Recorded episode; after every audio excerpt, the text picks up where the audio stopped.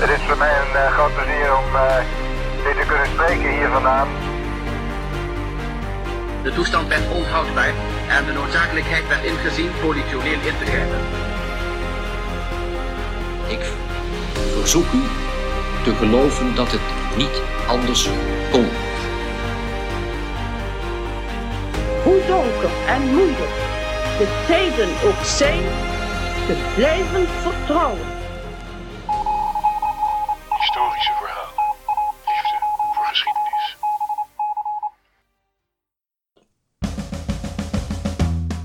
Welkom bij Historische Verhalen, de podcast.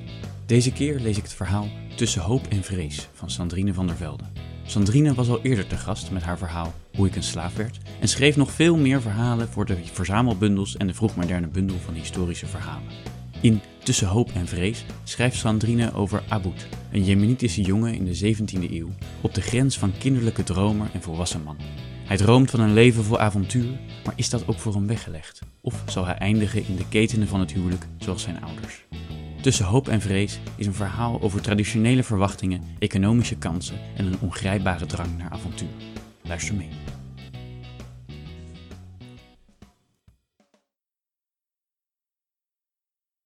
El Makka, in het huidige Jemen, 16 januari 1616. Verveeld gooien twee jongens kiezels in de richting van een rots. De zon tekent scherpe schaduwen op het zand, maar het zachte briesje dat aan de zee nooit ontbreekt, maakt de hitte draaglijk. De jongens zwijgen. Zo nu en dan dwalen hun blikken naar de horizon om te zien of er al vissersboten in aantocht zijn. Aan de vele grote schepen verderop van de handelaren van overzee schenken de jongens geen aandacht. Tegenwoordig blijven ze liever weg uit de haven, waar de handelsschepen aanmeren. In de hitte van de stad en geplaagd door de geur van de rottende ingewanden van uitgestalde vissen die de haven kenmerkt, riskeren de jongens toch maar om omvergelopen te worden door ruwe havenarbeiders of te worden bespot door de marktkoopmannen. Bovendien voorkomt Abuzo om door zijn vader te worden ingezet voor vervelende klusjes. In het beste geval moet hij thee halen voor de klanten die zijn vader gouden bergen beloven. In het slechtste geval zal zijn vader proberen hem te betrekken bij de eindeloze onderhandelingen over de aan- of verkoop van specerijen, zijde, ivoor, zilver of wat er verder maar te handelen valt aan de Arabieren, Syriërs, Turken en Ethiopiërs. Waar een handeltje is, kan je zijn vader aantreffen. Misschien is het nog niet eens de handel zelf die Abu tegenstaat, maar de rol die zijn vader er als kleine krabbelaar in heeft. Centenwerk, daar verdient hij zijn boterham mee. Afgebroken olifantstanden, gistende ladingen thee, handeltjes waar anderen hun neus voor ophalen. Liever wacht de jongen hier met Saleh op de vissers die hun vrienden zijn geworden. Als ze de kans krijgen om een handje te helpen, kunnen ze soms een paar sardientjes verdienen of een ondermaatse makreel. Het wachten duurt lang. Tak, tikt er weer een kiezel tegen het rotsblok. Wat een verschil met de opwinding van vroeger, toen ze klein waren, keken Saleh en Aboud hun ogen uit naar de metershoge zeilen van de zeeschepen, de behendige manoeuvres van de bemanning en de waardevolle lading die na onnavolgbare onderhandelingen van de eigenaar wisselde. Kijkend naar deze bedrijvigheid droomden ze van een leven op zee. Met open ogen fantaseerden de jongens over het ontdekken van nieuwe werelden, ver weg van de stad die ze zo goed kenden. Ze zouden nieuwe mensen leren kennen of onbekende dieren. Lachend fantaseerden ze over hoe ze als koningen zouden worden ontvangen door vreemd gevormde wezens die hun taal niet spraken. Maar nu zijn de jongens met hun gedachten elders. Saleh heeft zojuist verteld over het meisje aan wie hij de vorige avond is voorgesteld. Hij heeft geen idee hoe ze eruit ziet, omdat hij in zijn zenuwen alleen maar naar zijn eigen voor de gelegenheid schoongeboende vingernagels durfde te kijken. En al had hij opgekeken, dan was hij toch niet veel wijzer geworden, want het meisje was van top tot teen gesluierd geweest.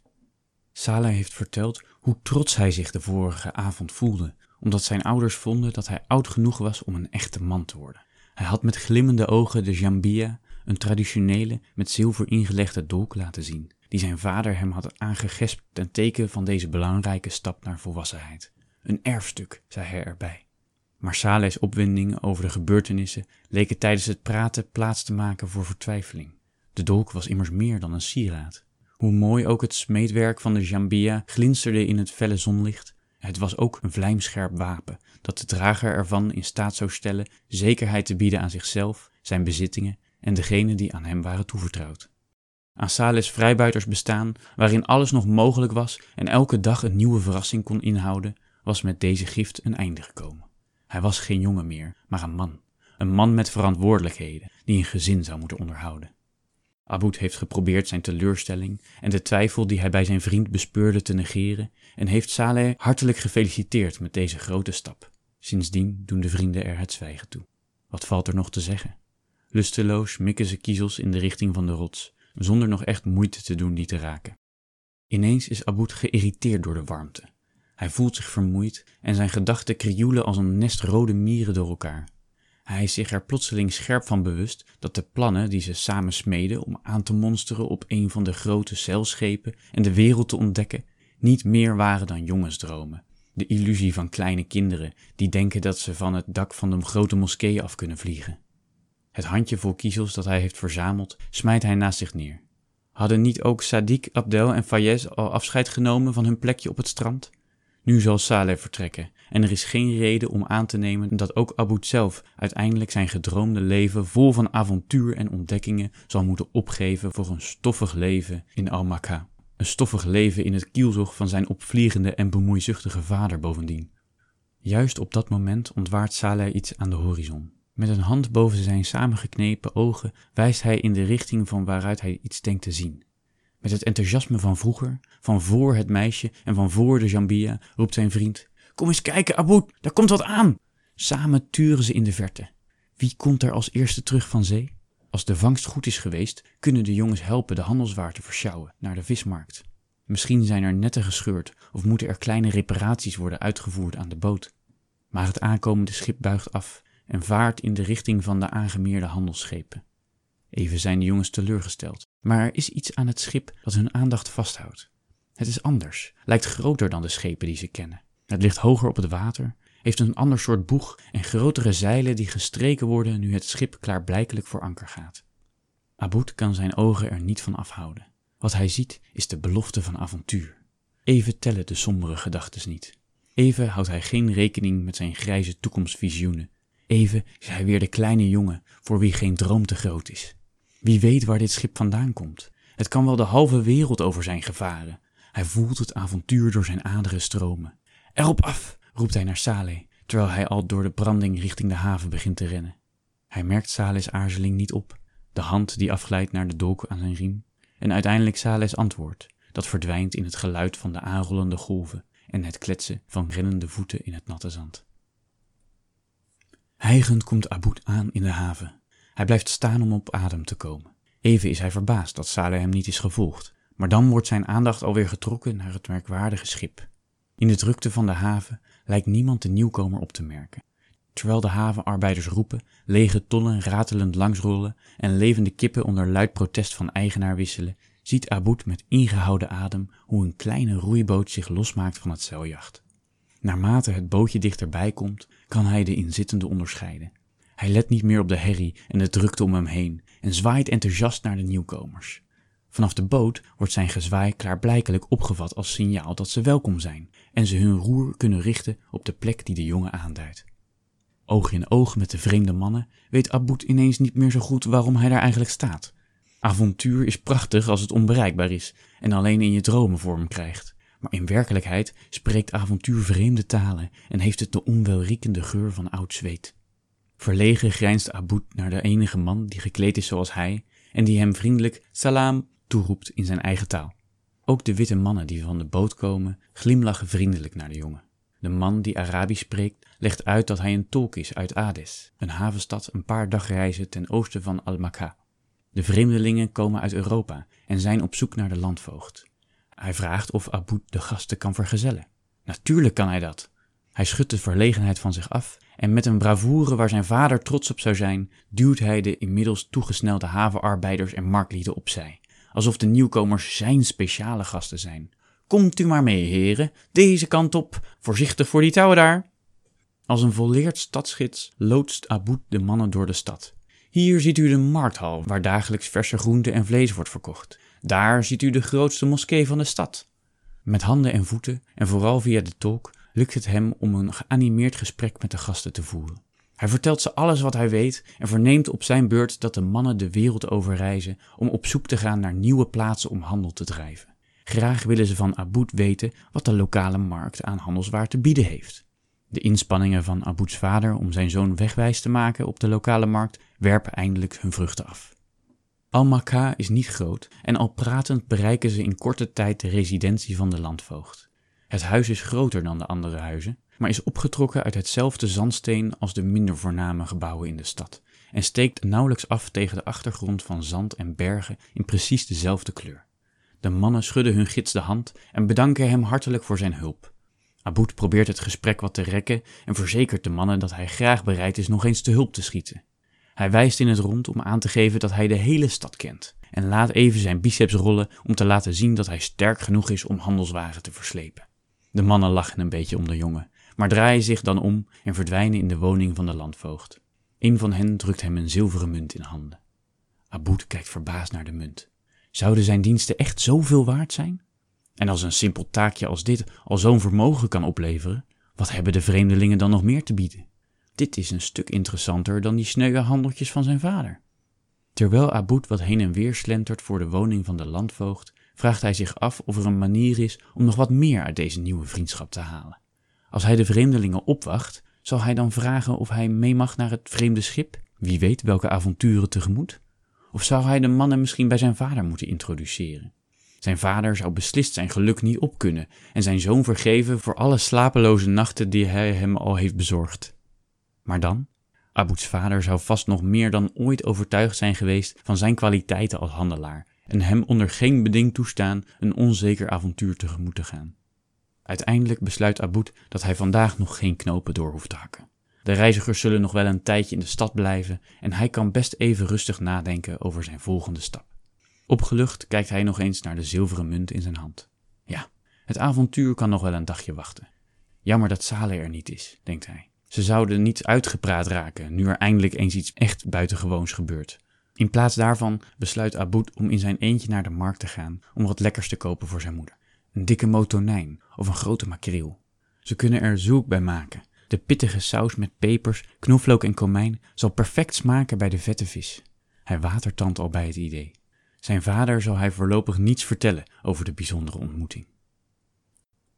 Zodra Aboud de poort van het huis door is, snelt hij naar de keuken.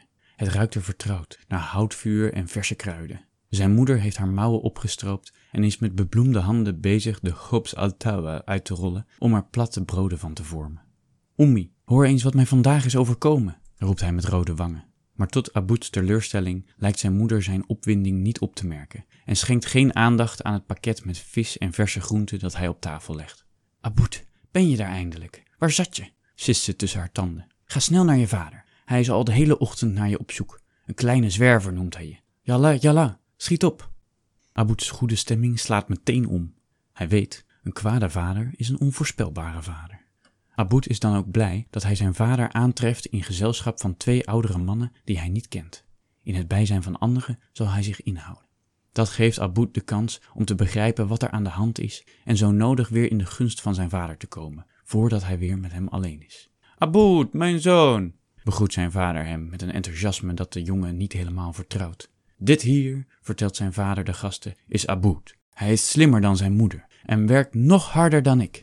Hij lacht overdreven om zijn eigen grap. De twee gasten lachen gezapig mee. Hij doet zijn naam Aboud, de toegewijde, de gehoorzame, eer aan. Niet waar, mijn jongen?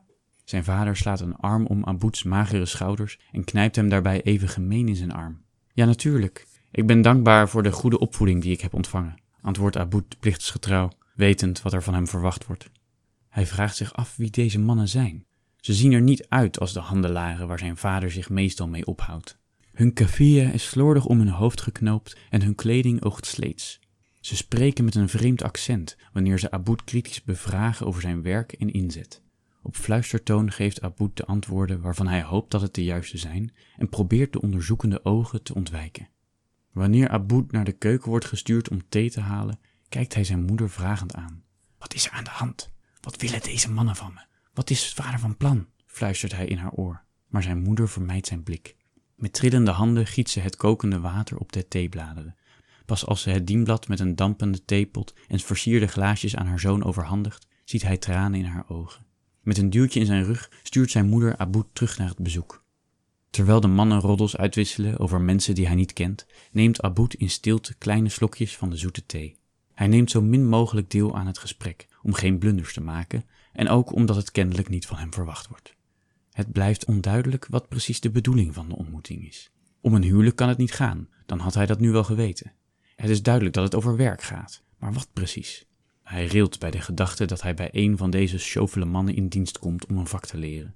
Wat voor ambacht zou hij moeten beheersen om zijn vader te kunnen helpen bij zijn zaken? Hij hoopt dat de mannen snel vertrekken en hij eindelijk antwoord krijgt op de vragen die hem kwellen. Maar de mannen vertrekken niet.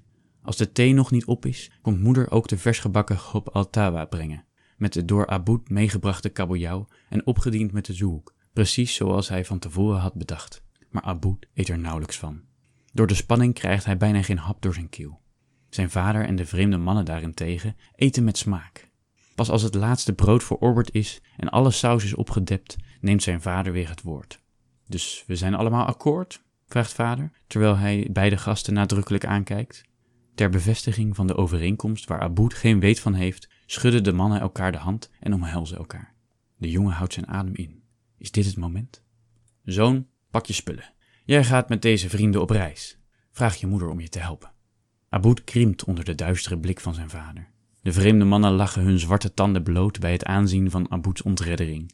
Wat sta je daar nou? Schiet op een beetje, zegt zijn vader op harde toon. In paniek vlucht Aboud naar de keuken, waar zijn moeder hem al opwacht. Ze heeft van achter de dunne wand klaarblijkelijk het gesprek gevolgd, want ze is juist bezig zijn bezittingen in een doek te rollen. Een koran, wat kleding en een paar nieuwe sandalen. Aboud werpt zich in haar armen en laat zich wiegen als een kleine jongen, terwijl hij zijn tranen de vrije loop laat. Waar ga ik heen? Wat, wat moet ik doen? fluistert Aboud met bibberende stem. Ik weet niet of ik wel weg wil, moeder. Ik, ik weet wel dat ik gezegd heb dat ik op avontuur wil, maar eigenlijk wil ik toch liever hier blijven, bij jou. Hij krampt zich aan haar vast. Ommie, zeg me eerlijk, kom ik nog terug? Zijn moeder kust de jongen op beide wangen. Ook haar ogen zijn betraand. Als Allah het wil, kom je terug. Ik zal iedere dag op de uitkijk staan. Pas twee jaar later ziet Aboud zijn moeder weer. Ongemakkelijk laat hij zich kussen en bekijken. In de armen van zijn moeder merkt hij wat zij moet voelen: dat de jaren van afwezigheid een man van hem hebben gemaakt. Hij is gegroeid en zijn lichaam is verhard als gevolg van zijn harde werk. Zijn zachte wangen zijn nauwelijks meer herkenbaar in het hoekige gezicht met de zwarte baard, die zijn moeder met verbazing en ontzag bekijkt. In de zachte blik van zijn moeder ziet Aboud ineens zichzelf en hij beseft dat niet alleen zijn uiterlijk, maar ook zijn karakter is veranderd. Geïrriteerd schudt hij zijn emotionele moeder van zich af. De reis met zijn vaders vrienden hebben hem naar het binnenland gevoerd, waar Abouds vader een stuk grond had gepacht. Daar, op drie dagen gaans van Al-Makka, waar de wereld lijkt te eindigen en slechts zon, stof en stenen overblijven, is Aboud landbouwer geworden. Van de mannen leerde hij een nieuw gewas te verbouwen, bessen die koffie worden genoemd. De eigenaren beweerden dat deze bessen op het punt stonden om het rijke Europa te veroveren. Hoe zijn vader zich had laten overtuigen door die twee geldbeluste kerels, was Aboud nog altijd een raadsel. Hij dacht zeker te weten dat in de droge aarde nog geen distelstruik tot wasdom zou komen. Hij bleek ongelijk te hebben. De struiken groeiden niet alleen, ze droegen overdadig vruchten. De vruchten werden gepeld en de pitten te drogen gelegd. En deze koffiebonen vonden daadwerkelijk gretig aftrek bij de voorbijreizende handelaren. Al snel had Aboud begrepen wat de speel was van de koffiehandel. Dat waren niet in de eerste plaats die bessen zelf, die door iedere boer met wat land en voldoende zon verbouwd konden worden. Nee, het was de exclusieve toegang tot de plant. Wie de zaden of de planten bezat, kon de handel bezitten. Alleen door de handel te beperken tot de gepelde en gedroogde zaden, konden ze aan de Europeanen geld verdienen. En vooral ook blijven verdienen. Nu hij weer terug is in Almaka, ziet Aboud met eigen ogen waar zijn vaders investering toe heeft geleid. Het huis van zijn ouders is opgeknapt. Er staan glanzende nieuwe meubels en zijn moeder tooit zich met sieraden die hij niet eerder zag. Zijn vader heeft zich de protserige kleding van een rijke koopman laten aanmeten. De overdaad en pracht en praal ergert Aboud een beetje, al is hij er ook trots op dat hij dit voor zijn ouders heeft bereikt. Bovendien merkt hij dat de afgelopen jaren onevenredige sporen hebben achtergelaten op zijn vaders gelaat, die niet gemaskeerd worden door de wilderige kleding. Zorgen om zijn zoon, zorgen om de handel, twijfel of de investering zou renderen, angst dat hij zijn vertrouwen in de verkeerde mensen had gesteld. Dit alles is terug te zien in de groeven in zijn gezicht, de kromming van zijn rug. Maar vandaag is hij opgetogen en schitteren zijn ogen. Zijn kansen zijn gekeerd. De investering en het harde werk van zijn zoon hebben rijkdom opgeleverd. En, belangrijker nog, zullen een goed huwelijk voor zijn zoon garanderen en de familienaam eer aandoen. Aboud weet natuurlijk dat dit de reden is waarom er een reis terug naar Al-Makka voor hem is geregeld. Zelf gaat hij het gesprek over een aankomend huwelijk uit de weg. Maar het zal niet lang duren voor hij kennis moet maken met het meisje dat voor hem is uitgezocht. Om even van de liefde van zijn moeder, uitgedrukt in allerhande heerlijke gerechten, en de worstende blik van zijn vader verlost te zijn, maakt Aboud een wandeling naar het strand, waar hij zo naar heeft verlangd. Tijdens het werk op de gorddroge akker heeft hij in gedachten de weg naar het strand al zo vaak gelopen, dat hij er zonder nadenken naartoe kan lopen. Pas als hij het rulle zand weer onder zijn voeten voelt en de geur van de zee opsnuift, voelt hij dat hij helemaal thuis is. Het verkoelende briesje van zee blaast voor even zijn zorgen en het ongemak over een aanstaand huwelijk weg. Zonder moeite vindt Aboud de vertrouwde plekken waar hij vroeger met zijn vriendjes speelde, waar hij met Saleh stenen tegen de rots gooide. Hij weerstaat een neiging om een handje kiezels op te pakken, om zo het gevoel op te roepen van de landerige namiddagen die ze samen op het strand doorbrachten. De tijd toen hij nog geloofde dat alles mogelijk was en hij aan het begin stond van een leven dat hem naar onbekende plekken zou voeren. Hoe anders is het gelopen? In plaats van spannende avonturen te beleven op exotische plaatsen, heeft hij de gedroge grond ontgonnen en daarmee zijn toekomstdromen begraven. Nu hoeft hij alleen nog maar te trouwen en zijn toekomst is voorgoed in steen gebeiteld. Weemoedig ademt Aboud de ziltige lucht in en monstert de masten van de zeeschepen die verderop voor anker liggen, wanneer er een paar jongens het strand op komen rennen.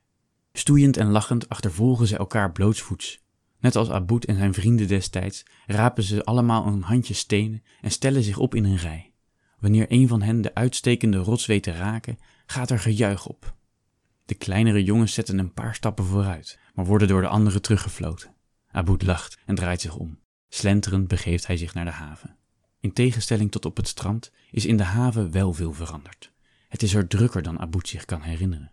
De houten marktkramen zijn vervangen door een overdekte markthal met stenen tafels. De kade is opgemetseld en de schepen die voor anker liggen zijn groter dan Aboud ooit eerder zag. De kratten met vers gevangen vis zijn echter nog precies zoals vroeger. De geur kietelt zijn geheugen en hij besluit even langs de markt te gaan. Misschien kan hij nog wat lekkers kopen om zijn moeder mee te verrassen, net als de laatste keer dat hij hier was. Natuurlijk speelt Aboud met de gedachte dat hij zijn jeugdvriend hier zou kunnen tegenkomen. Maar toch is hij verrast als hij in de drukte daadwerkelijk een bekend gezicht ontwaart in een eetentje waar vers gebakken sardines vlot over de toonbank gaan. Hoewel ook Saleh volwassener is geworden en beslist een paar kilo is aangekomen, herkent Aboud hem meteen. Grijnzend kijkt Aboud toe hoe de uitdrukking op Saleh's gezicht verandert van verward naar verbaasd en dan uiteindelijk blij. Aboud, mijn vriend, wat is dat lang geleden? Ik dacht dat ik je nooit meer zou zien. Waar ben je allemaal geweest? Hij laat zijn fileermes uit zijn handen vallen en veegt zijn handen vluchtig af aan zijn beduimelde schort. Zonder zich om de nieuwsgierige blikken van de omstanders te bekommeren, omhelzen de jonge mannen elkaar en slaan elkaar op de schouders. In een paar zinnen praten ze elkaar bij over hun belevenissen sinds de dag op het strand, twee jaar eerder. Saleh heeft een goedlopend eettentje dat de vissen serveert van de bevriende vissers voor wie hij en Aboud vroeger al klusjes opknapten. Hij is getrouwd en zijn eerste kind is op komst. Ik kan gewoon niet geloven dat je weer voor me staat.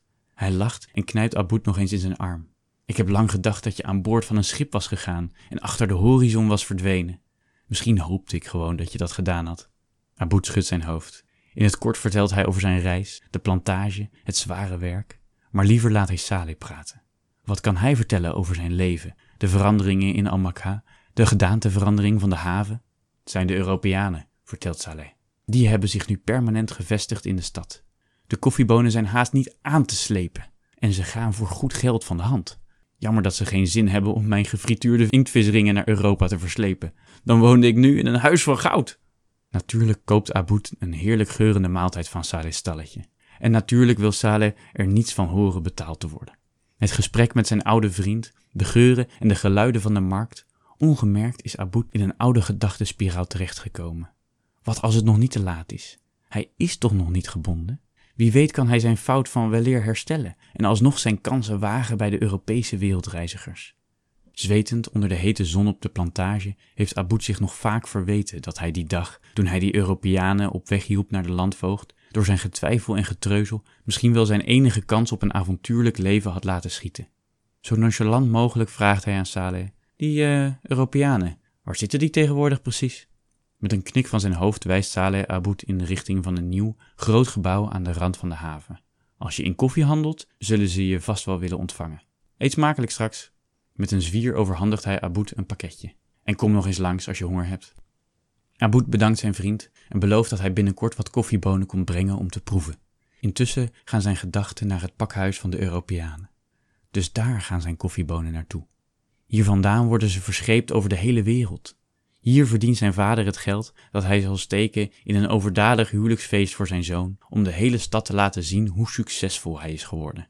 Maar is het gebouw ook een springplank voor een leven buiten Almaka, ver weg van zijn bemoeizuchtige vader en zonder de ketenen van een huwelijk en een gezin?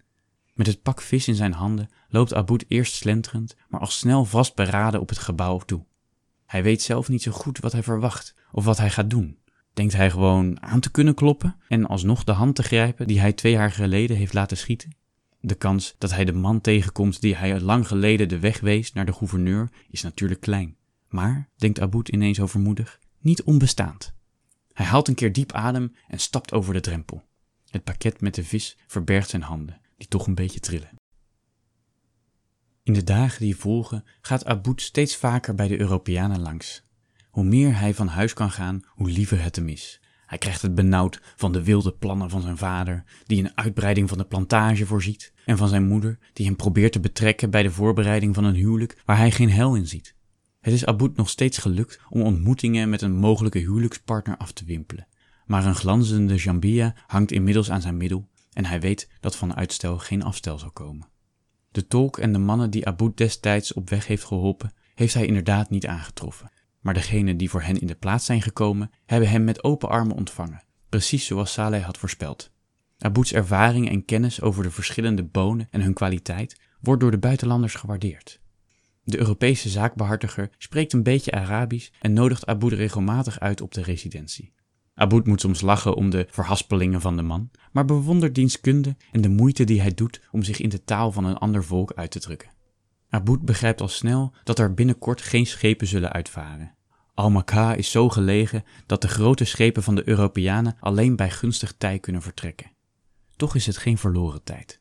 Buiten het huis van zijn ouders is het leven in Al-Makka aangenaam. Hij gaat regelmatig op bezoek bij Saleh en heeft plezier in het contact met de Europeaan, die hij al snel als vriend gaat beschouwen. Hun gesprekken gaan eerst vooral over koffie, de rijping van de vruchten en de moeilijkheden die met het groeiproces gepaard gaan. Vaak drinken de mannen samen thee, soms delen ze zelfs de maaltijd. Een paar keer neemt Aboud koffiebonen mee die hij zelf heeft verbouwd, gedroogd en geroosterd. Samen proberen ze vast te stellen wat de beste smaak oplevert. Natuurlijk kan de koffie het best geproefd worden in combinatie met gedroogde vruchten, honingkoeken en andere lekkernijen die Abouds nieuwe vriend voor die gelegenheid koopt op de markt. Steeds meer waarderen de mannen elkaars gezelschap en naarmate ze elkaar beter leren kennen, worden de onderwerpen die ze bespreken persoonlijker. De Hollander vertelt over zijn vrouw en de kinderen die hij achterliet in het land waar het altijd nat is van de regen en mensen wonen in huizen gemaakt van met rode klei gebakken stenen. Hij vertelt het op een manier alsof er niets is om jaloers op te zijn, maar Aboud geniet van zijn verhalen. Aangestoken door Abouds enthousiasme vertelt de man over de verre oorden die hij heeft bezocht en laat de jongen wegdromen bij de verhalen over bontgekleurde vogels en slingerende apen op eilanden waar de mensen ongekleed rondlopen en andere landen die juist helemaal wit en koud zijn en waar zwart-witte vogels wonen die niet kunnen vliegen. Zou de man begrepen hebben dat Aboud ervan droomt om zelf voet te zetten aan boord van een zeilschip, om alle wonderen met eigen ogen te aanschouwen? Aboud heeft het hem niet durven zeggen omdat hij zelf nog niet zo goed weet wat hij wil. Natuurlijk lonkt het avontuur, maar zou hij alles zomaar achter kunnen laten? Zijn familie, zijn vrienden, Almaka en zelfs de plantage waar hij ongewild toch gehecht aan is geraakt? Dagenlang maalt het door zijn hoofd. Steeds weer denkt hij aan die dag toen hij de zilveren munt ontving. Mist hij nu weer een kans op een ander leven? Zal hij spijt krijgen als hij niets onderneemt? Ach, was hij maar wat minder bang. En dan, toch wat onverwacht, breekt de dag aan dat Aboud zijn lot niet langer kan ontlopen. Na een lange dag in de stad treft hij bij thuiskomst zijn ouders aan, die hem in hun beste kleding en met een nerveuze lach rond hun mond al zitten op te wachten. Met een knik van het hoofd wijst Aboets vader op het gezin dat in de woonkamer doet alsof ze rustig thee zitten te drinken. Fluisterend, maar op een toon die geen tegenspraak duldt, legt zijn vader in een paar korte zinnen uit dat hun dochter een goede partij zou zijn en dat de verbintenis beide families tot voordeel zal strekken. Het is ook echt een aardig meisje, knap om te zien, voegt zijn moeder er een beetje verlegen aan toe. Dit is kennelijk het moment waarop Aboud onbewust heeft gewacht. Zijn twijfel is op slag verdwenen. Nog voor hij met de familie van de aanstaande bruid goed en wel heeft kennis gemaakt en voor hij zelfs het meisje maar heeft gezien, staat Abouds besluit vast. Ruw duwt hij zijn ouders opzij en stormt naar zijn kamer. Hij weet het zeker. Nooit zal hij trouwen. Nooit meer zal hij zich laten opsluiten achter de tralies van zijn ouders' verwachtingen. Hij kiest voor vrijheid. Het is nu of nooit. Hij hoort het misbaar in de woonkamer, vallende glazen, verwijtende stemmen, al dringen de woorden niet echt tot hem door. Hij weet dat zijn ouders teleurgesteld zijn, boos, woedend misschien, maar ze volgen hem niet. Op goed geluk grist hij wat spullen bij elkaar. Als laatste pakt hij een zak verse koffiezaden. Die zak had hij achter de hand gehouden om nog wat mee te experimenteren. Wat zou de zeelucht voor invloed hebben op het droogproces? In hoeverre beïnvloedt de duur van het branden de smaak van het aftreksel? Nu is hij blij dat hij er nog geen tijd voor heeft gehad. Deze zaden, in combinatie met zijn kennis over de koffieteelt, zullen zijn toegangskaartje zijn naar een nieuw leven. De onrust in zijn hoofd, die in de afgelopen weken is opgebouwd, en de twijfel die hem altijd in zijn greep houdt, zijn plotsklaps verdwenen. Hij weet dat hij eindelijk de stap naar het grote avontuur durft te zetten. Met zijn plunjezak op zijn rug keert Aboud terug naar het ruziende gezelschap. Het geween en gekibbel stopt als ze hem zien staan. Aboud stapt op zijn vader af. Hij ziet geen woede, maar angst op diens gezicht. Met het zelfvertrouwen van een man die weet wat hij wil, pakt Aboud zijn vaders beide schouders vast en drukt hem ter afscheid kort tegen zijn borst. Zijn vaders sterke armen hangen slap langs zijn lichaam. Hij oogt jaren ouder en verzet zich niet. Als laatste omhelst Aboud zijn moeder. Haar houdt hij iets langer tegen zich aangedrukt. Als hij haar tenslotte aankijkt, ziet hij naast verdriet ook bewondering in haar ogen. Als Allah het wil, zal ik terugkeren, Oemi. Teder kust hij haar op het voorhoofd. Maar wacht niet op mij.